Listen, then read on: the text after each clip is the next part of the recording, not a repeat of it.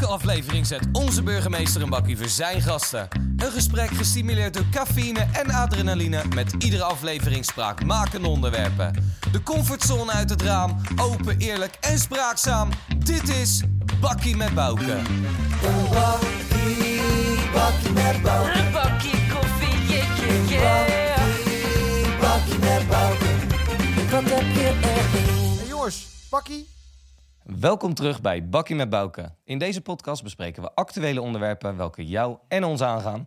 Zit je te luisteren en ben je benieuwd hoe de podcast er nou uitziet? Check onze socials of ga naar YouTube en kijk met ons mee in de podcast studio.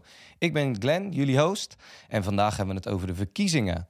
Deze week bij ons op de bank Bob en Lotte, welkom. Hey. Leuk dat jullie er zijn. Ja, zeker. Eh, Bob, we beginnen even bij jou. Jij bent 28 jaar oud en je komt uit Schipluiden. Ja, ja, dat is natuurlijk wel een dingetje. Ja, dat is wel een ja, dingetje. ja. Dus daar beginnen we natuurlijk mee. Ja, nee, eh, snap ik. Nee, ik eh, ben wel geboren en getogen in de Lier. Dus ik voel me ook wel echt Westlander. Oh, dus het gaat goed. Ja, maar ik heb me een klein beetje het Westland verraden door eh, naar Midden-Delfland te gaan. Oké. Maar goed, ik kwam naar huis in eh, 2016 op mijn pad. Kon ik niet laten. Ja, Als ik thuis ben, ga ik altijd even naar het Westland, even naar mijn ouders toe. Even lekker prakje eten. oké. Dus ik ben er nog genoeg, ook op de feestjes. En, Ja, eh, top. ik voel me ook nog wel Westland. Oké, Dus. en eh, ooit nog een keertje van plan om weer terug te gaan naar het Westland? Of, Ja, eh, dat sluit ik inderdaad niet uit. dat sluit je niet uit. Nou, misschien, misschien komt het schip Luiden wel een keer bij Westland, wie zal het zeggen? Ja, ja, je weet het niet. Je weet het niet. Hey, en eh, je bent werkzaam bij Defensie, staat daar. Ja, dat klopt, ja. Wat houdt je baan in? Ja, dat is wel een interessante job, al mag ik het zelf zeggen. Oké. Nee, ik zit bij het Corps Mariniers. ehm, inmiddels al tien jaar. Eh, momenteel bekleed ik een functie als trainer. En eh, ik heb een bepaalde opleiding gedaan. Ik mag mezelf specialist noemen in het, eh, in bergachtig terrein en artisch terrein. En ik train me- samen met mijn team, train ik mariniers zoveel mogelijk in de bergen en in het artisch terrein eigenlijk. Heel tof. Ja, zeker. Super, super toffe job. En, en wat doe je daarnaast? Want ik zie je houdt van sporten, je maakt films, eh, organiseren, Ja. entertainen. Ja, als ik dan thuis ben, dan eh, vind ik het moeilijk om op de bank te zitten. Ja. Dus, nou, nu zit ik het wel toevallig. Maar, maar eh, nee, ik doe veel filmen, doe ik ook nog. Ik zit hier en daar in de organisatie van feestjes. Ehm, ook een beetje verslaafd aan sporten. Dus het gaat ook allemaal door. Dus ja, eigenlijk altijd gewoon lekker bezig. Lekker man. Ja, zeker. Veel energie heb jij. Ja, ja, ja, ja. ja, ja, een klein beetje maar. hey, en Lotte, welkom. Ja, dank je. 18 jaar uit uit Naaldwijk. En ik zie hier staan, je eh, studeert psychologie en je bent bestuurslid van internationale ins- inspraak bij de Nationale Jeugdraad. Leg Ja. even uit, wat houdt het in godsnaam in? Dat is heel ingewikkeld ook. Ja. Eh, nee, ik, ja, dat is... Ja, de Nationale Jeugdraad pro- vertegenwoordigt eh jongerenorganisaties in Nederland. En daarmee proberen we ook een beetje jongeren te vertegenwoordigen. Eh, en internationale inspraak is dan een heel vaag begrip. Maar dat heeft ook eigenlijk een beetje met de Europese Unie te maken. Eh, en de Verenigde Naties soms. Eh, daar hebben we allemaal doelen voor in Nederland. Dat we ja, proberen het iets te verbeteren. Eh, en heel veel contacten ook om te kijken... hoe doen ze dat nou in andere jeugdraden in de rest van Nederland. Of de rest van Nederland, de rest van Europa. Hoe gaat het daar? Super tof. Nou, leuk. Hele toffe job. Ja. Hey, en je studeert psychologie. Hoe lang ben je daar allemaal bezig? Drie maanden. Drie maanden, oké. ik net vond het heel fijn dat ik Ja. het nog opschrijf. Oh, ja, ja, dat snap ik, dat snap ik. En Je gaat hem wel afmaken. ja, ja, dat is nou, wel het plan. Ja, precies. Helemaal top. Blij dat je er bent. Gezellig. En natuurlijk zit onze burgemeester hier ook weer. Geen introductie meer nodig, denk ik, ondertussen. ja, ja, dat zeg jij. Maar wie weet. Nou, voor nieuwe luisteraars, Precies. Bouke Arends is er ook gezellig bij. Elke keer heeft u ook een Westlands woord. Wat is Ja. het Westlandse woord van, eh, van deze podcast? Ik probeer altijd een woord te zoeken wat een beetje past bij het onderwerp. Ja, en bij u zelf ook, of niet? Nou, dat, dat, is, dat, dat moeten anderen maar beoordelen. Ja. Maar ik heb deze keer gekozen voor barreman. Barreman. Barman. Maar het kan ook barre vrouw zijn Ja, natuurlijk. hè. precies. Ja, ja, ja, in het ja. kader van verkiezingen, als je wilt gekozen wilt worden, moet je een beetje een barre man of een barre vrouw zijn. Nou, zeker weten. Dus eh, Zeker weten. Goed woord voor vandaag. Barreman. Ik denk dat we hier met eh barre mannen en met een barre dame zitten. Dus dat komt helemaal goed. hey jongens, we gaan het vandaag hebben over links, rechts, midden en alles daartussenin. Eh, hoe het stemmen nou werkt en wat dat allemaal in godsnaam inhoudt. We gaan het hebben over verkiezingen. Ik wou jullie als eerste vragen, wat weten jullie over de verkiezingen? Hoe het precies in zijn werk gaat? Eh, hebben jullie daar een beeld bij? Want Lotte, jij hebt volgens mij nog nooit gestemd. Nee. Nou, Bob, jij hebt wel een paar keer gestemd. Ja, ja, ja. Dus misschien kan jij het een beetje uitleggen aan Lotte. Nou, ik weet dat we 150 zetels te verdelen hebben. Het is eens in de vier jaar is het. En dan is, wordt eigenlijk, eh, ja, gaan wij onze volksvertegenwoordigers gaan wij kiezen. Natuurlijk bij eh, bepaalde politieke partijen waar je een affectie mee hebt. Kijk. Zeg, ik- zeg het een beetje goed? Ja, nou, ik Ja. vind het heel Ja, netjes. Heeft u er nog iets aan toe te voegen? Nou ja, eh, eh, je krijgt een stemformulier eh, eh, als je je, gaat, je krijgt een oproepingskaart. Ga je naar het stembureau, dan krijg je een stemformulier. Dan moet je een kruisje rood of een hokje rood eh, kruisen. Rood aankleuren. Je moet het niet de drie doen, maar er eentje maar. Anders is het ongeldig. En eh, nou ja, het liefste kleur persoon van jouw partij van voorkeur. Dat Ja. moet lukken. Dat Dat, moet is wel lukken. goede dat uitleg. moet, dat moet Ja. wel gaan lukken. Komt helemaal goed. Ja, Ja. ja. Maar het is natuurlijk veel interessanter, het, het traject daar naartoe. Waar, waar, eh, waar ga je op stemmen? Waar doe je, laat je je door leiden? Wat vind je van belang? Waar, eh, wat vind je eh, goed? Wat vind je slecht? Wat vind je eh, eh, nodig? Wat vind je onzin? Dus dat soort dingen. eh, eh, eh, een, een keuze maken voor een stem voor iemand waarvan je zegt van nou daar ben ik van overtuigd dat die eh, als volksvertegenwoordiger of eh, misschien wel wat- nog meer zelfs eh, wat kan doen voor de komende vier jaar voor Nederland en voor mij, maar ook voor, voor Nederland. En dat heb ik precies staan. Hoe bereiden jullie jezelf voor op de verkiezingen? Lotte, heb jij daar al een, een, een bepaald idee van? eh, of ben je er al druk mee bezig? Ja, nou ja, v- bij de Nationale Jeugdraad is bij ER, is de afkorting. Daar zijn ze heel druk bezig. Al mijn collega's zijn heel druk bezig met de verkiezingen. Ja. Eh, er komt een jongere kieswijzer, eh, waarin allemaal stellingen staan. Dus ik denk dat zodra die af is, dat ik die ga invullen. Ja, ja, Ehm, en gewoon een beetje, ik vind het ook wel stiekem een beetje leuk om te volgen. Dus gewoon een beetje debatten kijken. En wat gebeurt er nou allemaal? Dus jij bent er eigenlijk al best wel druk mee bezeg. Ja, Ja, drukker als ik in ieder geval. ja sorry. Ja, nee, dat is juist goed. Bob, eh, hoe bereid jij je daarop voor? Ja, dat is, het is gewoon eh, de stemwijze eigenlijk. Ja. Ja. ik, ja, ik volg geen debatten eigenlijk. Eh, zou ik mis- misschien wel moeten doen of niet? Dat laat Ja, ik ik even hoor in- je heel goed. Ja, inderdaad. Laat ik even in het midden. Ehm, maar goed, ja, ik doe de stemwijze. Ik praat over met mijn ouders. En eh, mijn ja, wat- vrienden, goede vrienden. Wat vinden jullie nou van belang? Hè? Wat, eh, eh, wa- waar laten jullie je nou vooral door leiden? Voor mij misschien eh, hier en daar met militaire dingen, zeg maar, qua budgetten. Dat zou een van de dingen kunnen zijn. Niet, zeker niet alleen hoor. Dat zeker niet, want dan kom je vaak al aan een bepaalde kant uit. Ik denk vooral veel erover praten met vrienden. Bekijken van verschillende perspectieven. Dat is ook wel belangrijk, denk ik. Ja. In plaats van van één kant bekijken. Kijk ook eens naar vrienden die links denken of vrienden die rechts denken. Ja, eigenlijk zo een beetje. En dan kom ik vanzelf wel tot een conclusie waar ik op zou willen stemmen. Ja, want, en, en wat, wat is nu voor, zeg maar, rond deze verkiezing voor jullie het belangrijkste item? Oeh. Of even Ja, er zijn er een paar hè, Ja. die heel erg populair zijn onder studenten. Dus de wonen, eh, klimaat, mentale gezondheid. Ik denk een beetje, zeg maar, het is niet dat ik één eh, thema heb waarvan ik denk, nou, als dat niet goed zit, dan afgeschreven. Maar ik denk dat die als combinatie wel een beetje een beeld geven ook voor de toekomst. En dat is dan misschien wel specifiek alleen op jongeren, eh, maar dat is uiteindelijk ook een beetje de toekomst. En ik denk dat iedereen, Ja. ja, qua huizen en dat soort dingen. Eigenlijk wel. Ik denk, ik denk dat er in Nederland bij heel veel mensen, of je nou links of rechts bent, of er, dat, dat er best wel een hoop samenkomt wat gewoon, eh, wat, wat gewoon eh, voor heel veel mensen frustratie met zich meebrengt. En, eh, Die politieke partijen laten zich ook heel erg leiden door allerlei onderzoeken die er gedaan worden. Van, eh, ze hebben allerlei panels, hebben ze, stellen ze daarin samen en dan kijken ze van wat spreekt nou de mensen aan. En wat ik dan wel zie is dat ze zich heel erg richten op net op die thema's. Wat ik denk van ja, eh, eh, ik zit daar echt een beetje in elkaar van. Je bent een politieke partij, je hebt een bepaalde eh, waarden, en normen die daarbij horen. En dan ga je daar je verkiezingen eh, op inzetten. Maar dat is niet meer de, eh, de manier waarop je verkiezingen eh, gaat. Nou ja, de campagnes gaat inzetten en verkiezingen gaat winnen. Want je moet eigenlijk gaan kijken van dit item willen mijn kiezers, of de kiezers die, die mijn partij aanspreken, die wil ik daar op gaan benaderen. En dat vind ik echt best wel eens ja, bedenkelijk. Want dan ben je echt de kiezers naar de mond aan het praten. Wat ik denk van ja, je moet de kiezers ook meenemen in, in, eh, in vraagstukken. Ja, die ook wel van belang zijn, maar waar de verkiezer misschien niet elke dag mee bezig is. eh, nou ja, jij zit in militaire, eh, je, niet in militaire dienst, je, je dient in het leger. Dat is de laatste jaren wel een heel, een heel ander daglicht komen te staan dan pak een beetje tien jaar geleden. Je ziet dat dat eigenlijk nou, niet of nauwelijks leeft bij de politiek in de zin van hoe vraag je daar nou voortdurend aandacht op, op die thema's. Het is op een verkiezingsmoment worden een, een, een aantal thema's uitgehaald waar ze denken van als ik hier maar op ga tamboureren, ja, dan kunnen we daar de kiezers op, op gaan, eh, gaan vasthouden. je vindt het dat- makkelijk scoren, zeg maar. Ik vind dat de politiek zelf meewerkt aan een infantilisering van de samenleving. Dat wordt eh, uitleg.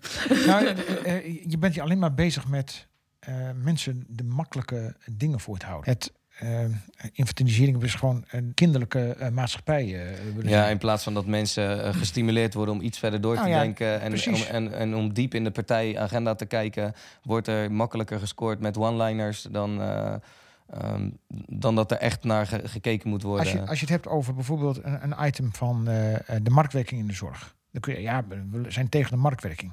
Maar ga dan eens met, met, met de samenleving het gesprek aan over wat is nou, ehm, wat is nou eigenlijk eh, marktwerking? En wat, eh, als je dat niet daar niet voor bent, waarom ben je daar niet voor? Wat, wat sta je daar tegenover? En, en waarom? En eh, het komt allemaal met die, met die one-liners tegenwoordig, eh, waarmee je nou ja, probeert kiezers te, eh, nou, te benaderen en, en te bereiken. Terwijl ik denk, denk van, ja, volgens mij is de kiezer echt niet dom. Neem de kiezer alsjeblieft mee in allerlei eh, overwegingen die je hebt. Alleen maar marktwerking of alleen maar een collectief eh, zorgsysteem. Het zijn allebei de uitersten. En wat zit er tussenin? Ik denk dat dat beter werkt dan al die one-liners. Want daarmee krijg je van vandaag stemmen ze dit. Morgen is die partij eh, in beeld. Overmorgen die. En, en je krijgt niet meer een, een, een stabiel parlement. Maar je krijgt eh, een parlement wat alleen maar bezig is met het opnieuw willen winnen van de verkiezingen. En dat ze daarmee steeds continu proberen makkelijk te scoren. Ja, politiek wordt ook niet echt meer een, waardestrijd, maar meer Nee. een puntenspelletje. Precies. Precies. eh, je, je punt maken in, in een debat in het parlement.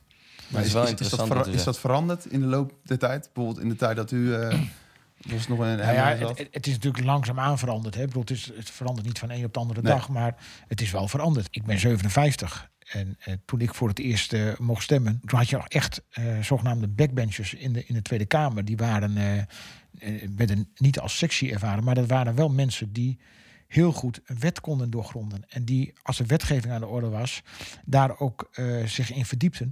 En dan eruit halen wat niet goed was.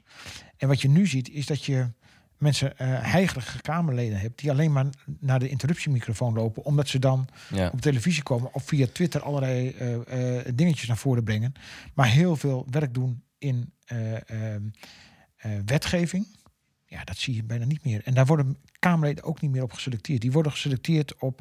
Ik, ik ben zelf eh, jarenlang eh, lid geweest van het hoofdbestuur van de Partij van de Arbeid. En daar zag je dat nieuwe Kamerleden werden geselecteerd op het diversiteitsvraagstuk. Op de spreiding over het land. Of ze een beetje eh, goed gebekt waren. Of ze bepaalde doelgroepen aanspraken. Maar wat ik graag wilde is een Kamerlid die hele moeilijke wetgevingsmaterie kan doorgronden. Want daar heb je wat aan. En, en, en een omzicht even laten zien dat daar ontzettend veel behoefte aan Ja, is. er is eh, wel behoefte eh, aan. eh, aan dat soort type eh, En dat, volksvertegenwoordigers. en, dat, en dat creëert ook zijn, zijn eh, populariteit natuurlijk. Omdat hij wel zijn huiswerk zo goed doet. En wel, eh, mensen hebben wel het idee dat hij keihard ergens voor werkt. In plaats van alleen maar naar de microfoon loopt met one-liners. Bob, weet jij nog de eerste keer dat je, dat je ging stemmen? Ja, dat weet ik nog wel. Eh, weet ik dat? Nee, dat weet ik eigenlijk niet meer. Nee. Alleen de tweede keer nog. Wat wist je toen van politiek af? Hoe, hoe, Ja, laat ik het zo zeggen, hoe, hoe, had je je, hoezeer was jij zelf geïnformeerd voordat je je stem uitbracht? Nou ja, heel eerlijk, hier heb ik natuurlijk wel een beetje over nagedacht. Ehm, toen ik een beetje die leeftijd was, toen ik voor het eerst mocht stemmen... toen eh, was ik natuurlijk eh, alleen maar bezig met naar welke hoek ga ik vanavond, Ja, ja, zeg maar. En maar je merkt nu, nu ben ik 28, daar ben je er wat meer mee bezig, zeg maar. Weet je, ik weet niet, je wordt natuurlijk ouder, bepaalde zaken gaan wat meer eh, meetellen. Eh, dus dan ben je er meer mee bezig. En eigenlijk eerlijk gezegd was ik er wel te weinig mee bezig Ja, op die leeftijd. En wat zou jouw tip dan zijn aan, eh aan jongelui die voor het eerst mogen stemmen? En daarna mag, dan mag, mag Lotte Ja. de advies geven. praat er veel over met je ouders, familieleden die, wat- die wat ouder zijn. Die zitten, natuurlijk is het altijd, ja, als je op die leeftijd wat van, een, van je vader of moeder hoort, denk ik, ja, zal wel. Ja. Maar goed, dat zou ik toch aanraden, praten over, weet je, maak het bespreekbaar. En laat het niet zomaar voorbij gaan, want het is, het is niet niks uiteindelijk. En Pak een die paar leef- verschillende perspectieven, zeg jij. Ja, inderdaad. Ja. Oké. Lotte, Zeker. heb jij nog goede tips?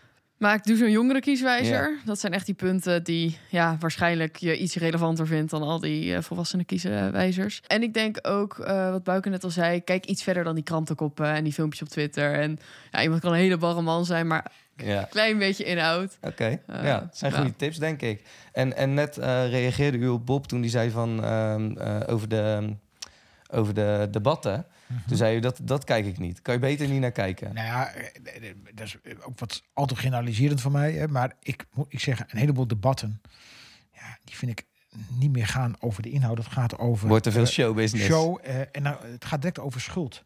Wie is verantwoordelijk? Wie is schuld? Wat gaat u doen? En wat, wat, eh, hoe neemt u uw verantwoordelijkheid? Daardoor slaat alles kapot in Nederland. Er is niemand meer bereid om nog verantwoordelijkheid te nemen. Want op het moment dat je verantwoordelijkheid neemt, dan gaan dingen ook niet altijd goed. Ja, dan hang je aan de En ik heb liever, ik heb liever een, een, een minister, een staatssecretaris, een wethouder, een gedeputeerde die af en toe dingen doet die niet goed gaan, dan een, een bewindspersoon die helemaal niks doet, omdat hij te bang is om nog een fout te maken. Ja, om, om inderdaad eh, zijn nek uit te steken en om eh, iets te proberen om het land je beter moet, je te moet maken. wel over nagedacht hebben wat je gaat doen. Maar eh, soms, nou ja, dat zullen jullie ook wel eh, weten. Soms eh, m- m- doe je iets en denk je van, verdikke me, had ik dit nou achteraf dat geweten, had ik misschien net even iets anders gedaan. Maar je neemt wel een besluit, omdat je een besluit moet nemen. Je kunt beter een besluit nemen dat verkeerd is dan geen besluit nemen, zeg ik altijd maar. Dus eh, kortom, laten we daar nou eens wat oog voor hebben. En, en niet direct zeggen van, nou ja, er gaat iets fout. Eh, eh, wat, wie is de schuld? En, en wat is eh, eh, uw verantwoordelijkheid en hoe neemt u uw verantwoordelijkheid? Want dat is, gaat alleen maar over van hoe snel kun je Ja. weer eh, eh, eh, moven. En, en volgens ja, mij iemand is dat verplaatsen. En, ehm, Ja. ja. Ja, precies. Nou, en dat is wel interessant, want ik vraag me af hoe het zit met de vertrouwen in Nederland in de landelijke politiek. En Bram is de straat op gegaan om eh, de, de mening van onze Westlanders eh, hierop te gaan peilen. Dus ik zou zeggen, we gaan even naar luisteren naar Bram en dan gaan we het daarna even over hebben. Ja, op dit moment loop ik door een Westlandse dorpskern. Dit keer Schravenzande. En we stelden de Westlander de vraag... Heeft de Westlander nog vertrouwen in de politiek? Geen idee. Ik, ik hou me heel niet bezig met politiek, dus... Nou, ik denk dat het een beetje hetzelfde is als de gemeentelijke politiek. Het is allebei kom zie, kom sta. Ik denk wel dat we er vertrouwen in hebben, als we maar goed kiezen. Geen probleem hier, nee joh. Alles is hier geregeld. De Westlanders die zorgen gewoon voor zichzelf. Nou, eh, ik eh, stem niet meer. Ik eh met één grote rotzooi en ze zitten er alleen maar om de eigen zakken te vullen in plaats van de mensen te helpen. Dus eh, mij niet gezien. Oeh, geen idee. Ik hou me eigenlijk echt helemaal niet bezig met politiek. Nou, kijk, weet je, het is. Ik word een beetje gestoord van die Rutte, hè. Die politiek vindt maar een monk. Ik eh, zelf ga niet stemmen, want ik heb het idee dat het, eh, dat het toch niet heel veel uithaalt. Maar eh, ja, ik weet dat het goed is om altijd te stemmen. Dus ik eh, zou ook iedereen aanraden om het te doen, maar ik doe het niet. Nou, dat ik, dat ik het gewoon heel lastig vind. Dat ik, dat ik eigenlijk niemand van al die partijen vertrouw. Dat ik niet weet op wie ik moet stemmen. Dat ze allemaal maar de eigen worst voorhangen. En dan. Nee, dat, dat ze, natuurlijk, ze roepen allemaal dingen. En dat je eigenlijk niet weet. eh, er komt er geen reet van, eh, van terecht. Wat ze allemaal roepen. De Westlander heeft gesproken. De meningen waren weer flink verdeeld. Ik ben benieuwd wat jullie hiervan vinden. Terug naar de studio. Nou, ik denk dat er bij iedereen wel een gedachte naar boven is gekomen. Ehm, Lotte, wat vind jij hiervan? Heb jij een beetje vertrouwen in, in de politiek? Want jij moet zo meteen je eerste stem gaan uitbrengen. Dan moet je er wel een klein beetje vertrouwen in hebben natuurlijk. Ja, een klein beetje wel. Maar ik merk ook wel... Ik was dan bijvoorbeeld bij zo'n debat eh, zondag. Eh, en daar zit, denk je ook af en toe... jongens, wat zijn we met z'n allen aan het doen? Kunnen we niet meer normaal gesprek voeren? En ik vind dat wel... Ja, als je dan dit soort dingen hoort... ook wel dat ik denk... ja, ik vind het heel zorgelijk en heel vervelend. Maar ik snap ook enigszins wel dat mensen dat vertrouwen kwijt zijn. Maar er zijn echt... Er zijn een paar. Er zitten Ja, een ja. paar pareltjes tussen. Eh, daar moet ik dan maar op stemmen. Maar ja, het is wel denk ik... Als we geen vertrouwen hebben in de politiek... vraag ik me af hoe we dan al die problemen op gaan lossen. Ja, hoe dat eh, verder moet. Bob, jij een beetje vertrouwen? Of, eh? Nou, je, je- ja, je moet ook wel een beetje vertrouwen houden, want anders eh, is het helemaal zoek. Ehm, maar je, je merkt wel dat er een hoop frustratie is om je heen. En dat, dan is het soms moeilijk om vertrouwen te houden, Ja. zeg maar. Ehm, maar goed, er is altijd een licht aan het eind van de tunnel. Dus eh, ook in deze. Ja. Het moet een keer goed komen. Precies. En Bouke, wat, wat, als je dit zo hoort, wat, wat, wat vind je er dan van? Want ehm, als burgemeester zit je toch ook vaak eh, in de raad en je bent bezig met politiek en dat soort dingen. Ik kan me voorstellen dat dat super frustrerend is. Ook als je niet in de landelijke poli- politiek zit, maar dat het wel super frustrerend is om te horen dat mensen gewoon op dit moment denken: ja, weet je, ik kan stemmen, maar eh, ik weet niet wat ermee gedaan wordt en echt veel vertrouwen heb ik er niet in. Ja, dus, dat is, eigenlijk is dat een hele slechte tendens. En de politiek moet daar eh, ook echt heel goed, politieke partijen moeten daar echt heel goed naar kijken. Eh, en, en niemand uitgezonderd, hè? want eh, je kunt wel zeggen, ja, wij gaan het anders doen als politieke partij. Dat is mooi, maar laat het dan maar eens Maar laat het maar zien. maar zien. We hebben gezien een heleboel nieuwe partijen die zeggen dat het allemaal anders moest. En we hebben toch gezien dat ze dan ten onder gaan aan, aan intern gedoe of wat dan ook. Laat politici nou eens gewoon eens kijken naar zichzelf. Wat kun je nou doen aan het herstel van het vertrouwen? En dat is niet ehm, met elke wind meewaaien en naar iedereen die een keer ergens tegen is te luisteren, maar zeggen van dit is een lijn die we hebben voor Nederland. Dit eh, gaan we langjarig gaan we hierop inzetten. Eh, of het is een lange lijn voor Westland, hoe je het eh, wil bekijken. En hier staan wij voor. En dat gaan we dus ook nu doen. Eh, we, hebben een, een, we hebben een visie, we hebben een, een, een, een, inzicht over wat we gaan doen. En dat heb ik wel heel erg lang gemist in Nederland. Het ging gewoon van, ja, weet je, we moeten een meerderheid hebben om een kabinet te vormen. Eh, je zag natuurlijk Rutte, die ging in het begin met het CDA gedoogsteun van Wilders. Toen ging die 180 graden de andere kant op met de Partij van de Arbeid. Toen ging die weer met CDA en, en D66. En er zit nergens een visie achter. Hoe wil je nou eh, dat Nederland er over tien jaar uitziet? Waar wil je met Nederland staan? Het, eh, je kunt wel staan voor de korte termijn eh, oplossingen. Maar je moet ook een visie hebben van waar je op lange termijn wilt uitkomen. En wat ook van belang is, en dat heeft natuurlijk ook wel te maken met datgene wat, wat, wat die, al die mensen op straat zeggen. We hebben te veel gezien dat bepaalde problemen worden weggewoven. Hè? Bijvoorbeeld eh, de toeslagaffaire. Maar we hebben het ook in de, eh, de, de aardgaswinning in Groningen. Eh, ze pakken gewoon niet, eh, lang, niet snel genoeg door. Ja, mensen wachten te lang op antwoorden. ja, en, en eh, eerst maken ze een juridisch gevecht van. En dan, dan uiteindelijk, ja, dan kunnen ze dat niet meer goed beheersen. En dan moet het, moet het morgen ook opgelost Ja. zijn. Als je nou hebt over verantwoordelijkheid nemen, dat vind ik nou juist verantwoordelijkheid nemen. Zien dat dingen niet goed gaan. En zorg er nou niet voor dat het allemaal rechtmatig is. Dus dat het allemaal klopt volgens allerlei procedures. Maar dat je zegt van, we zijn hier in dienst van de samenleving, van de mensen die hier wonen in dit land. En daar staan we voor. En als het niet, eh, de regels niet helemaal goed zijn, dan moeten we die regels ook een beetje kunnen veranderen en toepassen.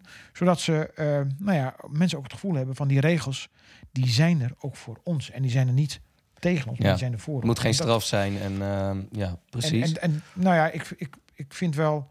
Ik heb zelf wel de, de, de slogan rechtvaardigheid boven rechtmatigheid. Daar ga ik nog later over nadenken. Ja. ja, vind ik wel mooi. Denkt u dat het gaat lukken? Zeg maar dus weer het wederkeren van het vertrouwen? Nou, ehm, d- d- dat moet, moet je altijd maar weer afwachten. Ja. Maar ik moet wel zeggen dat ik wel, het wel mooi vind dat zo'n partij eh, van omzicht daar nu mee aan de gang gaat. Hè. Die, die, maakt het wel, die maakt het wel open, die, die gooit het wel open. Andere partijen worden daar ook door gedwongen om dat anders te gaan doen. Eh, dus ik ben wel erg benieuwd wat daar uitkomt. Ik, eh, ik verwacht niet al het heel van omzicht, want die zal niet eh, eh, eh, gelukkig, en dat moet dan ook maar niet genoeg zetels krijgen om dat het alleen voor het zeggen te krijgen. Want dat zou ik ook erg ongezond vinden. hè, Als je één partij die het alleen voor het zeggen heeft. Maar ik denk dat omzicht wel nou ja, de knuppel in het hoenderhok heeft ge- gegooid. En dat de andere partijen mee moeten. En dat is denk ik wel heel goed. Klinkt positief. Ja, ik denk dat mensen, dat mensen over omzicht gesproken dan dat mensen het een, een frisse wind vinden. Een hardwerkende man die, eh, weet je wel, eh, het is een beetje eh, ehm, een soort eh, die underdog. eh, die, die, eh, die nu wel heel veel support krijgen. En dat is wel mooi Ja. om te zien. Hey, en jongens, wat, wat zijn voor jullie de belangrijkste punten om te zeggen... dit is een partij, die heeft, die heeft nou punten dat is hetgeen waar ik voor wil stemmen. Want kijk, voor jou is het iets met defensie, dat het budget wellicht verhoogd wordt. Maar over het algemeen gekeken in de samenleving, hebben jullie punten waarvan je denkt, dat gaat mij nog niet eens aan, maar misschien mijn buurman en mijn buurvrouw, dat vind ik belangrijk en dat zou, daar zou ik graag op willen stemmen. Als iemand eh, dat in zijn partijwijze heeft. Kun je hem aftrappen, Lot? Ja, is goed. Ehm, ja, ik vind het, ja, het is, ik vind het lastig, omdat je hebt zoveel wrangende vraagstukken en zoveel grote problemen nu. Ik vind het dan heel egoïstisch ook eigenlijk om er één uit te kiezen. Dat ik denk, ja, hier ga ik op stemmen. Ja. Ehm, vanuit een jongere perspectief eh, denk ik een beetje... Er, er is in heel veel landen om ons heen hebben ze een nationale jeugdstrategie. Eh, dat zijn eigenlijk heel veel problemen, dan wel specifiek gefocust op jeugd eh, in één. Dus daar ja, denk aan mentale gezondheid, maar ook aan wonen en dan concrete actiepunten. Met hoe gaan we dat nou aanpakken? Ehm, dat vind ik wel een, een goede zaak als een partij Ja. dat in een verkiezingsprogramma heeft Oké. staan. Maar iets als bestaanszekerheid, wat ook een soort bingo-woord is, wat elke partij er ineens in Ja. heeft. Maar echt bestaanszekerheid, dat is ook ja, echt cruciaal, denk ik, voor de komende periode. Misschien moet jij zelf maar de politiek in. Oh, nou, dat weet ik nog niet hoor. Nee, niks voor jou? Nou, als die cultuur een beetje is opgelost, dan... Oké, dan misschien wel. Bob, jij nog een puntje? Nou, nee, ik sluit me helemaal aan bij Lotte. Ik, Ja, eh, ja, goed lekker verwoord. makkelijk. Ja, ik, ik, kan, ik kan er niet helpen. Maar is nou voor jullie bijvoorbeeld, wat nu actueel is, hè, eh, eh, de situatie in het Midden-Oosten, is dat nou voor jullie iets, zeggen nou, dat moet ehm, van invloed zijn op de, op de nationale politiek? Daar moeten de, eh, ik zag gisteravond het, gisteravond was dan zondagavond eh, eh, 22 oktober, zag ik het debat, het eerste debat van de lijsttrekkers. Ehm, daar werd dan ook dit vraagstuk kwam aan de orde. Denk, is dat nou het vraagstuk waar de Nederlandse samenleving mee bezig is? Maar misschien dat ik het aan jullie moet vragen. eh. Ja, Ik merk wel, als ik kijk in mijn omgeving, ik was bijvoorbeeld vorige week donderdag zat ik op het terras eh, in Utrecht op Neuden. En toen zag ik wel bijvoorbeeld een heel... Ik heb nog nooit zo'n groot protest gezien eh, over deze situatie. Dus ik merk wel dat heel veel mensen om me heen er heel erg mee bezig zijn. Heel veel jongeren. Ik denk dat er een hoop spanning is. Ja, ik kan me dat het algemeen. voor jou ook voorstellen. Jawel, jawel, daar wordt over gepraat, natuurlijk. Ja, ja moeten ze nou, niet alleen bezig mee houden natuurlijk, maar zeker wel. Zeg maar, het, Ja. mag niet, het mag niet verdwijnen, vind ik. Zeker niet. En, wel- en, en, nou even los van, van, van het, het vraagstuk aan zich, maar, eh, want je hebt natuurlijk ook nog het vraagstuk rondom de Oekraïne. Is, gaat het nou om dat mensen zeggen van eh, we moeten onze defensie wat meer eh, weer op de voorgrond zetten. We moeten daar meer werk van maken dan we in het verleden hebben gedaan. Of gaat het vooral om eh mensenrechten vraagstuk?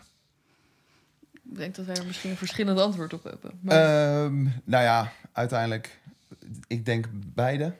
Ehm, op het gebied van militair gezien, ja, ik, tenminste, ik had nooit verwacht dat eh, Rusland Oekraïne binnen zou vallen. Nou zit ik niet zo diep in de stof. Misschien zijn er wel mensen die het wel aan zagen komen.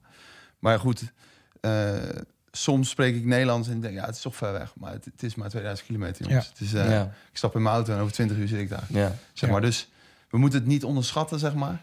En Nederland is daar nog wel eens... Naïef? Die, die, naïef, naïef vind ik goed woord. Na- naïef genoeg om dat zo wel te bekijken.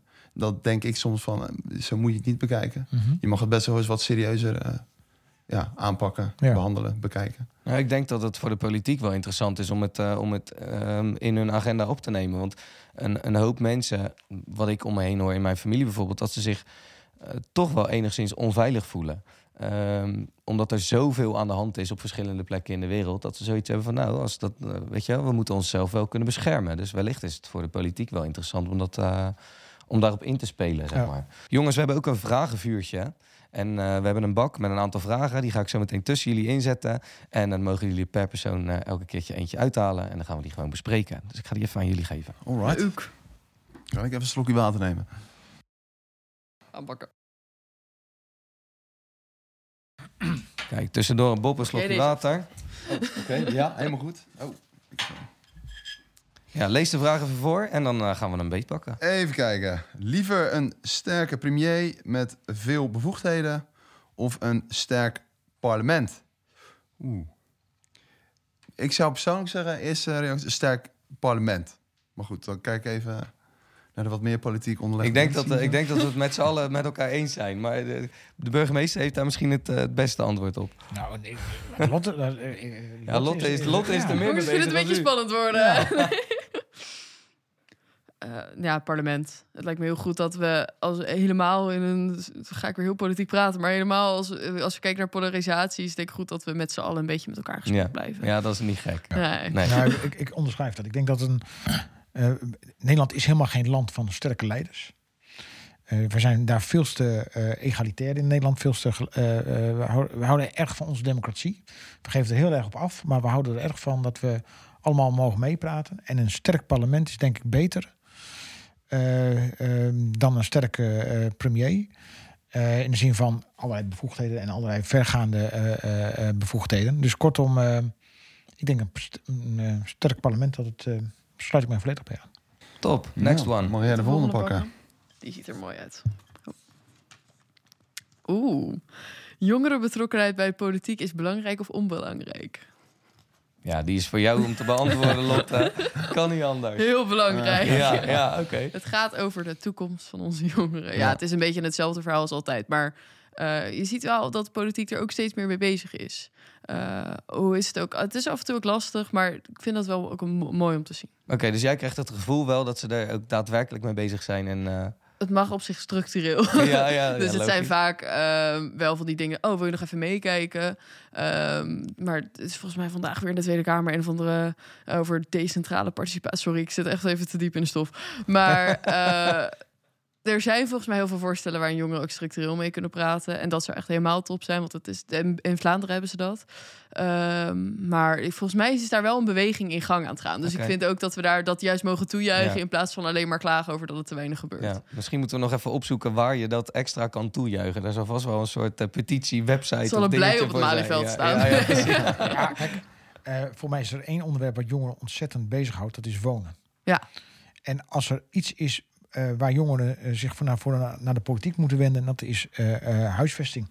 Daar eh, zit de sleutel. Zij moeten daar ook van laten horen van wij willen een, een woning. En eh, in gelul kun je niet wonen, zei je ooit eens een keer een, eh, een- een politicus. eh.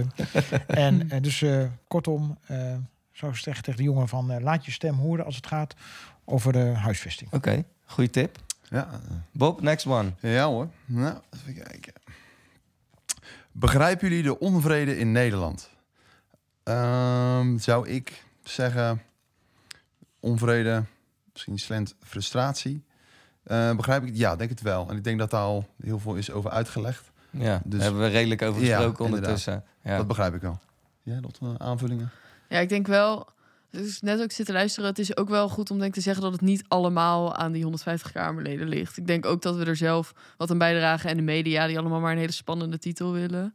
Ehm, dus ik denk ook dat we een soort ja op zo'n manier dat vertrouwen in die politiek. Nou ja, maar je, je zit natuurlijk in een periode waar, eh, van transitie. Ja. Eh, zo noemen ze dat heel mooi. Maar ver- verandering. We moeten iets doen rondom het klimaat. Dus daar moet wat mee gebeuren. Jonge mensen gaan heel anders eh, met een inrichting van hun, leven eh, om dan mijn generatie. Ik, ik ben begonnen met, met, eh, met werken, 40-urige werkweek. Terwijl ik steeds vaker zie en hoor dat jongeren zeggen... ja, ik hoef niet eh 36 uur te werken. Ik geef mij maar 28 uur en dan heb ik nog wat andere dingen.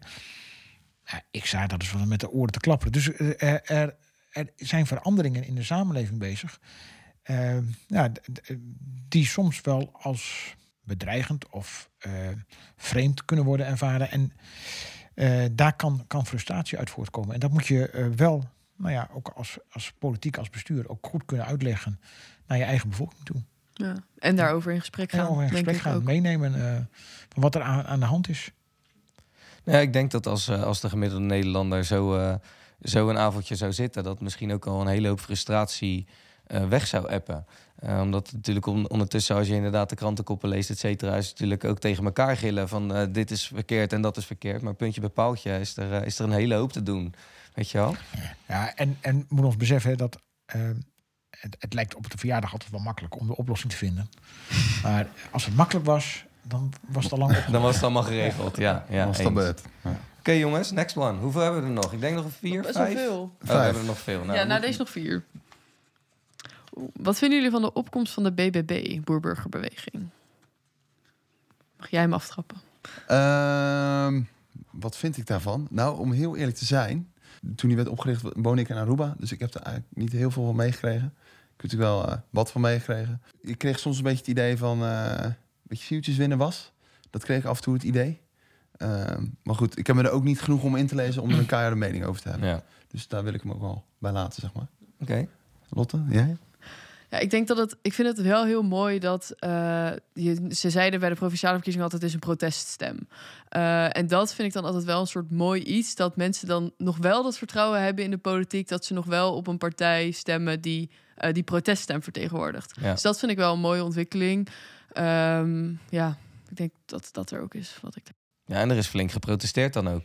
Ik bedoel, Nou ja, dat- dat, zeker. Eh, en dat zie je natuurlijk altijd bij de staatsverkiezingen. Dat zijn verkiezingen die niet zozeer gaan over de, de landelijke politiek. Eh, natuurlijk, de Eerste Kamer wordt wel door samengesteld. Maar eh, mensen geven dan toch een beetje een signaal af aan de landelijke politiek van eh, het moet echt anders. En dat hebben ze wel laten zien. Ik moet wel zeggen, ik vind het wel verrassend en bijzonder dat BBB zo, zo'n klapper heeft gemaakt. En ik moet ook zeggen dat ik er heel veel respect voor heb om te zien hoe zij dat ook ingevuld hebben. Goede mensen, goede onderhandelingen gevoerd. Ze hebben het niet eh, mensen het vel over de oren gehaald. Dus ik denk dat BBB dat heel goed gedaan heeft. en het feit dat ze zoveel stemmen gekregen heeft, moeten de andere partijen zich ook al een beetje aantrekken. Ja. Ja, en dat ze het, het feit dat ze het zo serieus oppakken... is natuurlijk ook goed als jij je proteststem hebt ge- gegeven aan de BBB. Geeft dat natuurlijk ook vertrouwen in de landelijke eh, eh, verkiezingen. Ja. Next one, jongens. We hebben er nog hoor. vier. Telt je stem? Oh ja, zeker. Die telt zeker. Het is Nou maar eentje van eh 7 miljoen uit mijn hoofd. Maar hij telt zeker, vind ik. Sowieso. Ja. ja, ik vind ook altijd... Ik zeg dat ook altijd tegen vrienden als ze dan zeggen... nou, ik heb niet zoveel zin. En ik zeg, ja, maar als je, als je niet stemt... mag je de komende vier jaar ook niet klagen. Ja. Dus wat dat betreft sowieso. Al is het alleen maar om dan op die verjaardagen... met je oom in discussie te kunnen. Ja, ja, ja, want anders mag je ook niet met je oom in discussie. ja. Precies. Nou, dit was een makkelijke. Telt je stem? Ja. Ja. Telt zeker. Volgende. Yes. Met welke politicus zou je wel eens een hapje willen eten? Ja, dat is een lastige. Bob, met wie ga jij nou op Nou, eten? ik zou, eh, ik zou met Mark Rutte wel eens willen eten. En niet per se... Ik vind namelijk de positie waar hij in zat, zeg maar in de coronatijd... of hij het nou goed of niet goed heeft gedaan, dat compleet in het midden gelaten. Ik, ik zou wel eens willen hoe hij dat heeft ervaren, zo'n positie. Zo, heel Nederland een soort van modder aan het gooien. Ehm, ja, ik vind het wel heel bijzonder hoe hij, hij daarmee om is gegaan. En dat moet ongeveer de meest stressvolle baan zijn geweest... op dat moment van Nederland, Ja. zeg maar. Hoe hij daar ik, her- of ik ervaar ook wel eens stress in bepaalde situaties. Ik ben wel heel benieuwd naar hoe hij daar... eh, of tenminste, ik zou graag met hem in gesprek willen over die, over die tijd, zeg maar. Interessant. Dus Ja. jij wil niet met iemand spreken over het heden, maar... je- Nee, over, nee, eh, meer over het verleden. Om, Oké. om te leren hoe hij daarmee om is gegaan. zeg Heel maar. interessant. Ja. Ja. Lotte, Dit wie heb jij inspireert in mijn antwoord gedachten? wel een beetje. Ehm, ik denk Sigrid Kaag van D66. Omdat zij heeft zoveel shit over daarheen gekregen. Ehm, als mensen ja, bij je huis komen bedreigen met fakkels... dat is niet helemaal hoe we hier met elkaar omgaan. Eh, ik ben ook wel benieuwd hoe zij dat heeft ervaren. En Ja. dus ook niet op- dat ze... Ja, niet inhoudelijk, maar gewoon persoonlijk. Hoe is dat? Hoe... Ja, het is wel interessant dat we de persoonlijke tour opgaan... in plaats van eh, Ja. waar zie jij jezelf de komende vier jaar. Ja. En nu? Nou, ik zou wel eens een keer eh, onder vier ogen met Geert Wilders willen praten. Het lijkt me dat ehm, hij heeft eh, eh, heel veel meegemaakt. Hij is heel erg beperkt in wat hij kan. Eh, ik ben wel, nou, wel nieuwsgierig van, hem te horen wat dat nou voor, met hem doet, wat dat nou voor hem betekent. Hoe hij dan ook daar toch nog een goede balans in kan vinden. Ehm, maar ik ben ook wel benieuwd eh, om eens van hem te horen, zo onder vier ogen, hoe die nou aankijkt tegen een aantal eh, vraagstukken. Hè? Integratie, migratie, het vertrouwensvraagstuk.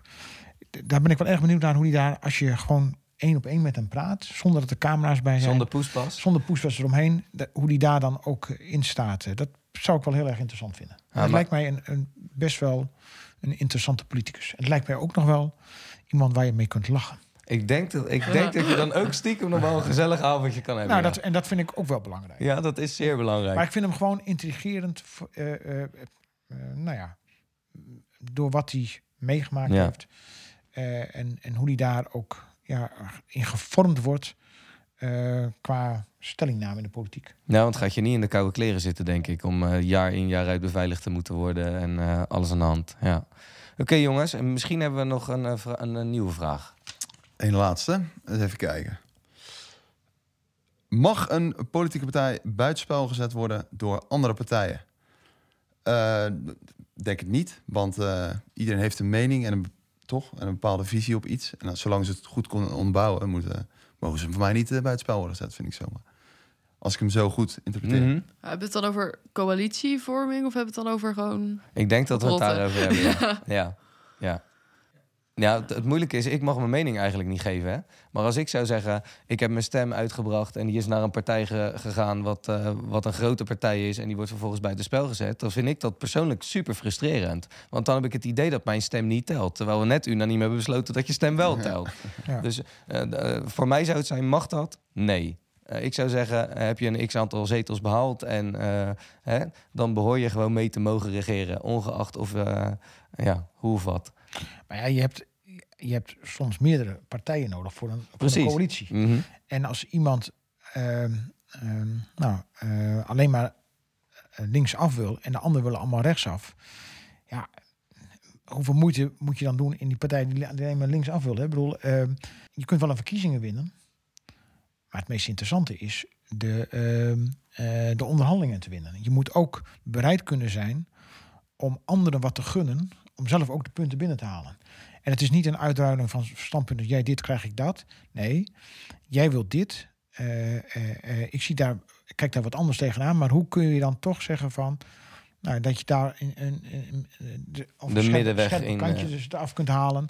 Of dat je toch zegt van ja, nou ja, weet je, dan doen we dit. Maar om dat weer te ontlasten, doen we daartegenover dit. Dus het is, je moet ook de bereidheid hebben om elkaar wat te gunnen en elkaar wat te, te, te, te willen geven. En als je dat niet hebt, ja, dan eindig je gewoon in de oppositiebanken. Ja, ja, dus dan is het eigenlijk niet buitenspel zetten, maar dan zijn de onderhandelingen gewoon niet Nou ja, je- verlopen zoals... dan eh, heb je de onderhandelingen niet helemaal slim gedaan. Ja. Volgens mij hebben we er nog eentje, jongens. Ja. Luistert de politiek naar jullie wensen? Lastig. Eh, je kan niet altijd naar iedereen luisteren. Eh, dat, is ook, ja, dat is ook denk ik irrealistisch om dat te verwachten. Tot een bepaalde hoogte wel. Eh, maar dat komt denk ik bij mij heel erg omdat ik gewoon er heel dicht op zit. Eh, ik denk dat als ik met vrienden praat, gewoon lekker hier in het hok, dan denk ik niet dat mensen zeggen: Ja, ik voel me nou echt gehoord. Dus ik vind het, ja.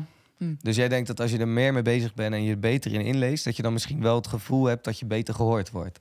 Ja. ja, in mijn geval was dat wel zo. Maar dat, er zit ook heel veel frustratie achter dat je zo goed ingelezen bent en dat je dan helemaal niet gehoord Ja, wordt. Dus ja, dat is ook weer een beetje dubbel. ja, ja. Eh. Maar gewoon de goede dingen onthouden. Ja, moeilijke weegschaal, zeg maar. Ja, ik denk inderdaad wel, wat Lot zegt natuurlijk. Kijk, als jij je inleest, dan worden je wensen ook realistischer waarschijnlijk. En bijvoorbeeld, persoon zoals ik, me net even te weinig inleest. En mijn wensen die ik heb, die worden dan ineens heel onrealistisch. Ja. Dus inderdaad, dan voel je je misschien minder gehoord. Maar ja, dan moet ik er zelf meer effort in tonen en eh, me beter inlezen. En dan kan ik mijn eigen beeld waarschijnlijk bijscherpen en het begrijpen. Ja. Waarom bepaalde dingen niet lukken. Ja, ik denk dat jullie stiekem mensen wel heel eh, enthousiast kunnen maken voor het, het inlezen en een beetje meer interesse, interesse tonen. Want eh, wat jullie allemaal zeggen en wat hier nu vanavond gezegd wordt, is allemaal zo interessant. En ook als je eigenlijk ehm, niet per se heel erg gemoeid wil zijn met dit alles, is het, is het, raak je hier denk ik toch wel een beetje, wordt het vuurtje wel een beetje aangewakkerd, eh, hoop ik. Hey, dit waren volgens mij de vragen, hè, jongens. Ja. Dan heb ik nog een paar vragen waarbij we allemaal mogen zeggen eens of oneens. Heel simpel. Politici zouden vaker met jongeren moeten communiceren via social media. Eens. Eens. Bob. Oeh. Ah. Ik, ik zou zeggen, ja, via social media. ehm, ja, het, moet wel hè, tegenwoordig. Anders kom je er niet meer bij die, eh, bij die jongelui. Dus ja, eens. Ja, en hoe, hoe ervaart u dat als burgemeester? Nou ja, eh, vaker. Kijk, ik zie dat ehm, ehm, eh, de jeugd tegenwoordig alleen nog maar via sociale media eh, communiceert. eh, niet, En bereikbaar niet- is. Bereikbaar is. Eh, ehm, ik zie dat aan mijn eigen kinderen. Eh, die, die lezen heel veel, krijgen heel veel informatie via social media. Dus je moet daar zelf ook actief in zijn als politieke partij. En dat doen ze wel al. Maar misschien moeten ze zich wel wat meer soms ehm, verplaatsen in de beleefwereld van, van jongeren nog. Oké. Ja, als ze maar geen TikTok-dansjes gaan doen. Dus Nee, ja, ja, precies, dat- dat- dat soort, Laten we dat eh, er voorop staan. Nee, het kan ook weer heel gevaarlijk worden dat je Ja. een beetje populistisch gaat lopen doen. Ja, dat vind ik ook wel weer... Ja, en volgens mij mag een, mogen politici op TikTok? Want volgens mij is, eh, is, dat, is dat niet verboden? Nou, met die, ambtenaren niet, toch? Nee, de, de- precies, de Rijksambtenaren. eh, Daar, en en eh, eh, een heleboel gemeentes doen dat nu ook. Die, die eh, blokkeren TikTok voor de ambtenaren. eh, omdat de Chinese overheid dan mee zou kijken. Ik denk altijd bij mezelf, ja. Wel meevallen. Nou ja, bedoel, eh, wat gebeurt er nou werkelijk op mijn telefoon eh, enzovoorts. Maar eh, misschien ben ik daar wel grenzeloos naïef in. Eh, maar eh, ik, ik hou ook niet van dat soort populaire gedoe. eh, eh, en ook niet van die hele korte filmpjes op, eh, op Twitter... waarbij je even een, eh, een headline eruit haalt. Dan moet je ook echt... Dan moet de jongen ook echt serieus nemen en zeggen van... dit is het vraagstuk, dit is eh, eh, het probleemsituatie... en zo gaan wij dat oplossen. En wat vinden jullie ervan? Dan moet je ook de interactie met elkaar eh, zoeken. Dus via Twitter in debat, zeg maar. Nou, ik weet niet of Twitter nou ja... ik- Of dat, of ik dat de juiste... Dat dat doelgroep is. Ja, ja, precies. Zijn Ja, wel- ja. Voor mij zijn er wel andere soorten. Ja, er zijn, ja, ja, precies. hey, jongens, het stemrecht moet worden verlaagd naar 16. Eens of oneens? Eens. Eens. Interessant. Waarom ben je het daarmee eens? Ehm, omdat Nou, dat heb ik zelf ervaren. Ik mag nu voor het eerst stemmen. Ehm, en daarvoor, je vindt echt wel ergens wat van. En dan krijg je dat als argument terug. Ja, heb je de gemiddelde 16-jarige gezien? Ehm, ik denk dat als je daar goed aandacht aan besteedt op school... en ook dat dus gelijk aan elkaar koppelt... dus je hebt allemaal maatschappijleer... eh, als je dan gelijk mag stemmen... dan vind je dat ook veel interessanter... om je een beetje op te letten bij maatschappijleer. Oké, interessant. Ja, ik wou dus eigenlijk zeggen oneens, maar op zich... eh, Nou ja. ja, ik kan me hierin vinden, zeg maar. Oké, dus eh, jij, jou, jouw opinie Ja. is ineens... eh, ja, ja, ja, oké, dat gaat goed. Nou, ik oneens. Oneens, oké. En waarom? Nou, ik, eh, ehm, eh, we hadden net even over van ehm, ehm, wanneer zijn jongeren nou echt geïnteresseerd in politiek? Wanneer eh, verdiepen ze zich in een aantal zaken?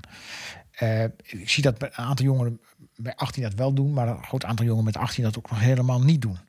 Eh, en, er zijn natuurlijk wel jongeren van 16 dat, die dat ook wel al doen. Maar de merendeel eh, zie ik dat nog niet echt eh, doen. En ik zou zeggen van eh 18 jaar is de meerderjarigheidsgrens. Hou het daar gewoon op. Dat vind ik, vind ik een mooi criterium. En elke leeftijdsgrens is natuurlijk discutabel. Dat, snap ik ook wel. Maar ik vind 18 jaar vind ik een mooie leeftijd. Wanneer je ook zegt, nou ja, dan heb je ehm, eh, plichten. Of dan, heb je, ja, dan krijg je rechten. Omdat je meerderjarig bent, maar heb je ook wel een aantal plichten. En eh, die, die mag je vervullen, hoef je niet te vervullen. Ja. Dat gaat dan over eh, de stem. eh, Dus zodra je plichten hebt, dan krijg je ook een beetje, dan krijg je ook het recht om te stemmen. Ja. Ja, oké, niet gek. Jongens, er is een te groot belangenverschil tussen jongeren en ouderen in de politiek. Daar hebben we het net natuurlijk al een beetje over gehad, over eh, hoe er serieus met jongeren omgegaan wordt of niet. Eh, wat vinden jullie daarvan? Is er een te groot belangenverschil tussen jongeren en ouderen? Ja, het is eigenlijk logisch toch dat er een groot belangenverschil is tussen een jong persoon en een wat ouder persoon, zou ik zeggen. Of zie ik dat heel ik ben het met je eens, Bob. Ik ben het helemaal met je eens. Ja, ik ook. Alleen ik moet wel zeggen, eh, we hebben zo'n oudere partij, 50 plus. Ja. En als ik kijk hoe die met elkaar omgaan al jaren, dan denk ik mezelf, eh, je zou toch mogen verwachten van de ouderen dat die een beetje eh, verstandig zijn. Ja. En dat de wijsheid met de jaren komt. Maar blijkbaar is dat niet het geval. Dus misschien moet het wel veel meer aan de, aan de jeugd overlaten Ja. dan aan de, aan de grijze golf. eh. Misschien is dat Ik helemaal ben niet voor. gek. Ja, ja, ja. Ik denk dat een hele hoop jongeren zeggen, ik ben voor. Ja. Ehm, jongens, als het goed is hadden jullie ook nog een eigen vraag eh, eh, die jullie wilden stellen aan de burgemeester. En Lotte, dan wil ik bij jou beginnen. Is helemaal goed. Eh, u noemde zelf net al dat u eh, lid bent geweest van Partij, of nog steeds bent van Partij van de Arbeid. Eh, dat staat best wel goed in de peilingen. Wat vindt u van dat linkse blok of die linkse samenwerking nu tussen GroenLinks en Partij van de Arbeid? Nou ja, ehm, eh, stel je wel een gewetensvraag, want... ehm, eh, Sorry. In, in- nou ja, dat geeft niks. In de, in de ledenpeiling die geweest is, heb ik niet voor de fusie van, of de samenwerking tussen GroenLinks en de Partij van de Arbeid gestemd.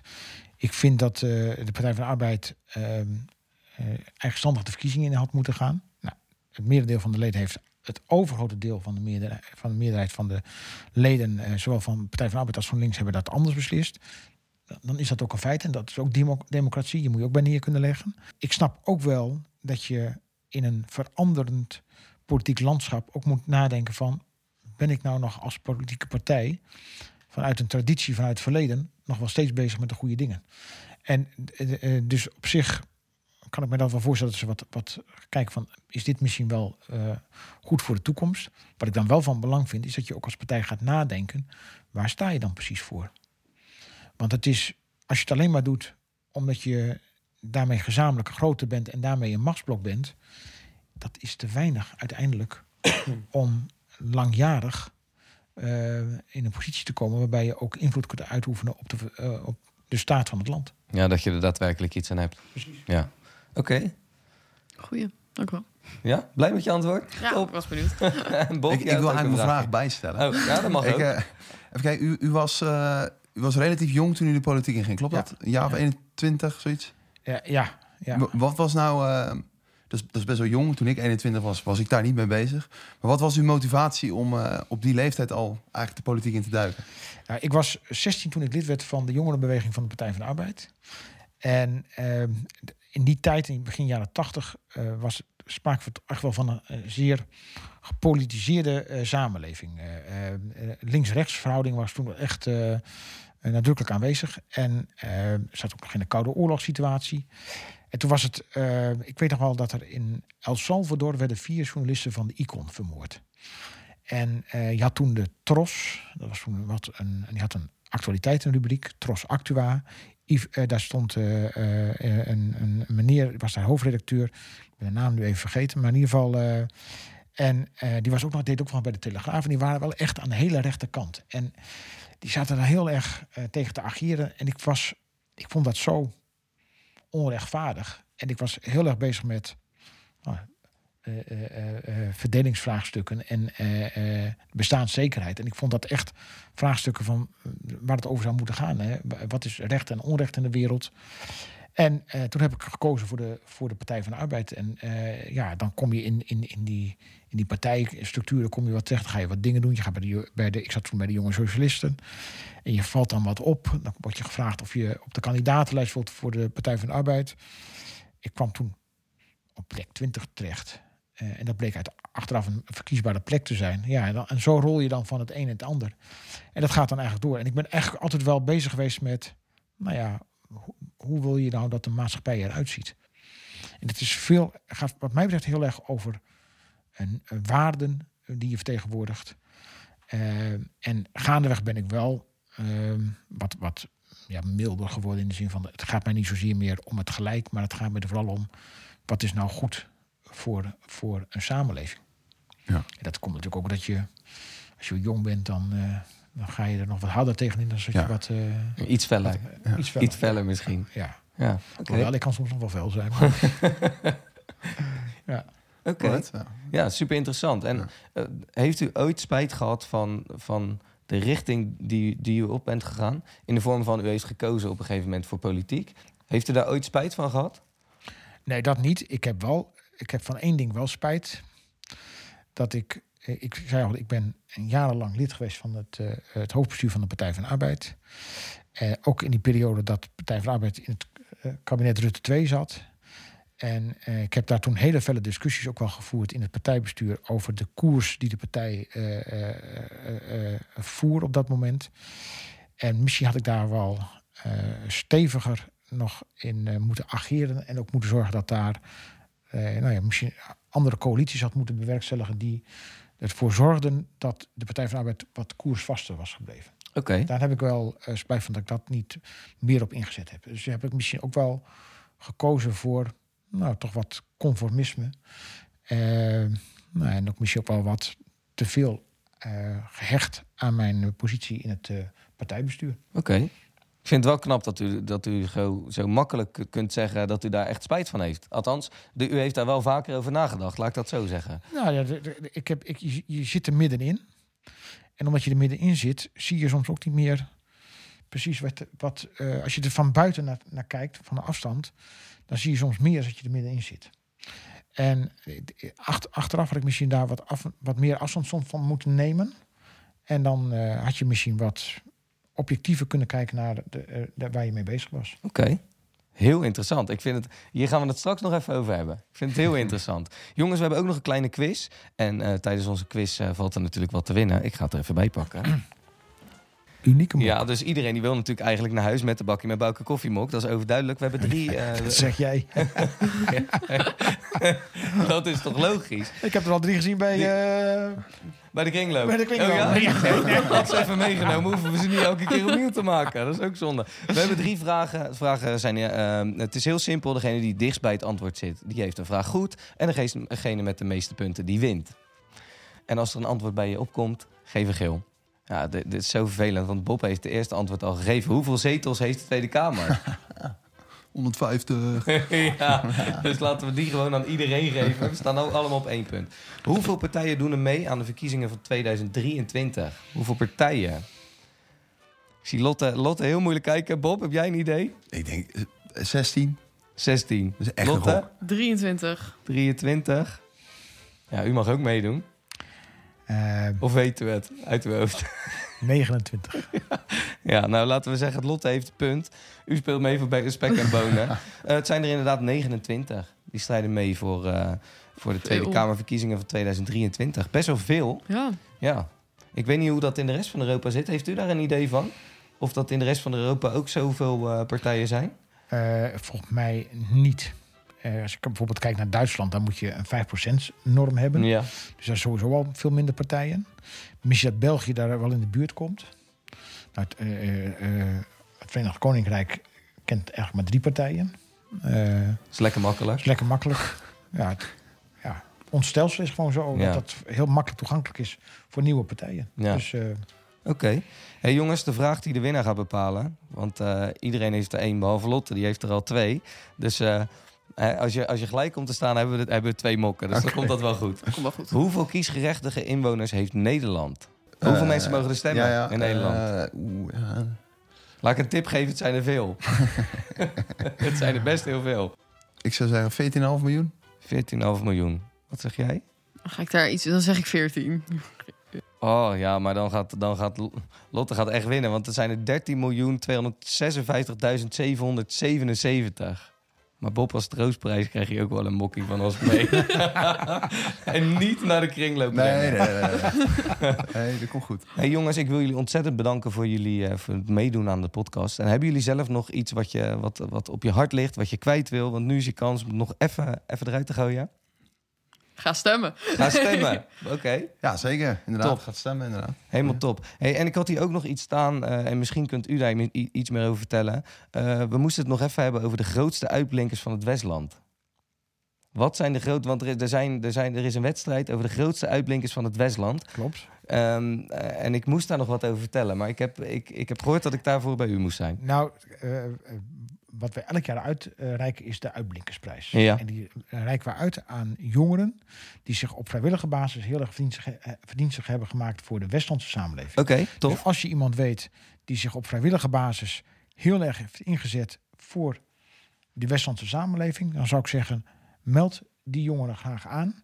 En dan kan hij meedoen met eh, de verkiezing van een uitblinker. Oké, superleuk. En dat kan op uitblinkerswestland.nl. Yes. Helemaal top. Jongens, ontzettend bedankt voor jullie bijdrage. U ook natuurlijk weer bedankt.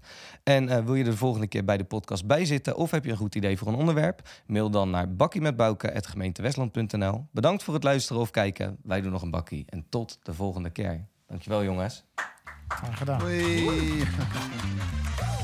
Deze podcast wordt mede mogelijk gemaakt door De Formule, De Kraftkantine, Gemeente Westland en natuurlijk jullie, de luisteraar. Tot volgende keer.